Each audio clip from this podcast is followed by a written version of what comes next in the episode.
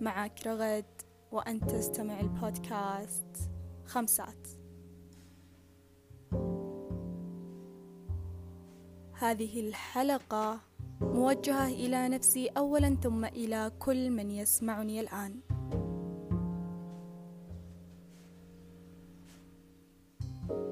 أن نعيش ضمن نسخ متكررة ذلك يجعلنا نشعر أكثر بالقبول المجتمعي من الآخرين. بما يعكس شعورنا بالأمان والأريحية.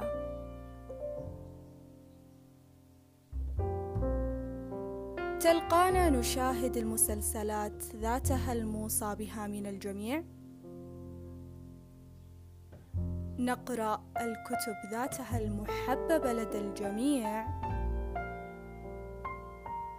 نرتدي الذوق ذاته المتفق عليه لدى الجميع.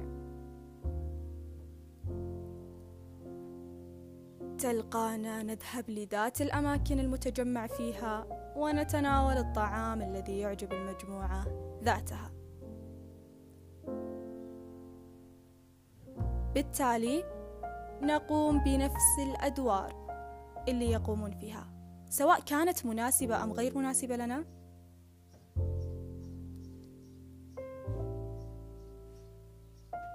واللي صار إحنا جالسين نعلق في ذات المكان. بدون هوية واضحة لنا بدون أفكار خاصة فينا بدون ذوق مرتبط بنا. أصبحنا نسخ غير حقيقية نسخ مكررة. نعيش حياة لا تشبهنا ونؤدي أدوار ليست لنا.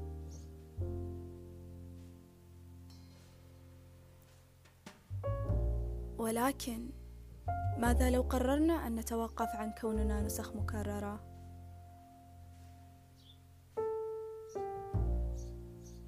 في بادئ الأمر والأكيد سنشعر بعدم الاستقرار. سنواجه الكثير من الاعتراضات والانتقادات والكثير الكثير من الاستنكار. من المحتمل كمان أننا راح نفقد الكثير من الأشخاص. ولكن في الوقت اللي نقرر فيه إن المسلسل المتفق عليه لا يعجبنا الأكل الذي يتناولونه لا نفضل الأماكن التي تجمعهم لا نحبها ما يرتدونه لا يناسبنا. طريقة العيش التي يتبعونها سنتبع غيرها في هذه اللحظة تماما. سنصنع نسختنا الحقيقية. هويتنا الواضحة حياتنا التي تشبهنا.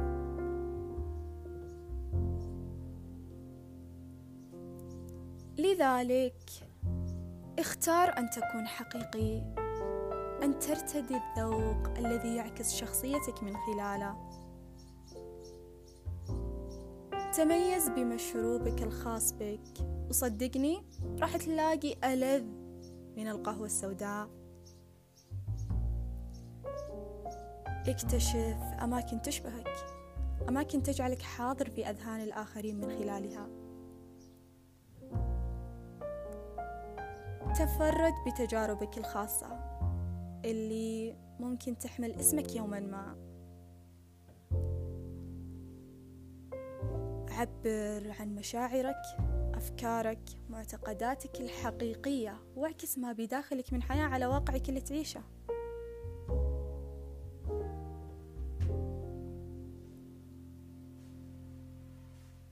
عيش الحياة اللي تشبهك؟ حياتك أنت بدون تمثيل أو تصنع أو تكرار لحياة أخرى. الاستنساخ والتزييف ممكن يجعلك تشعر بالارتياح ولكن التفرد والحقيقة راح تجعلك تعيش الدهشة. وصدقني أنت ما تبغى حياتك تكون خالية من الدهشة. دمتم بحب ألقاكم على خير.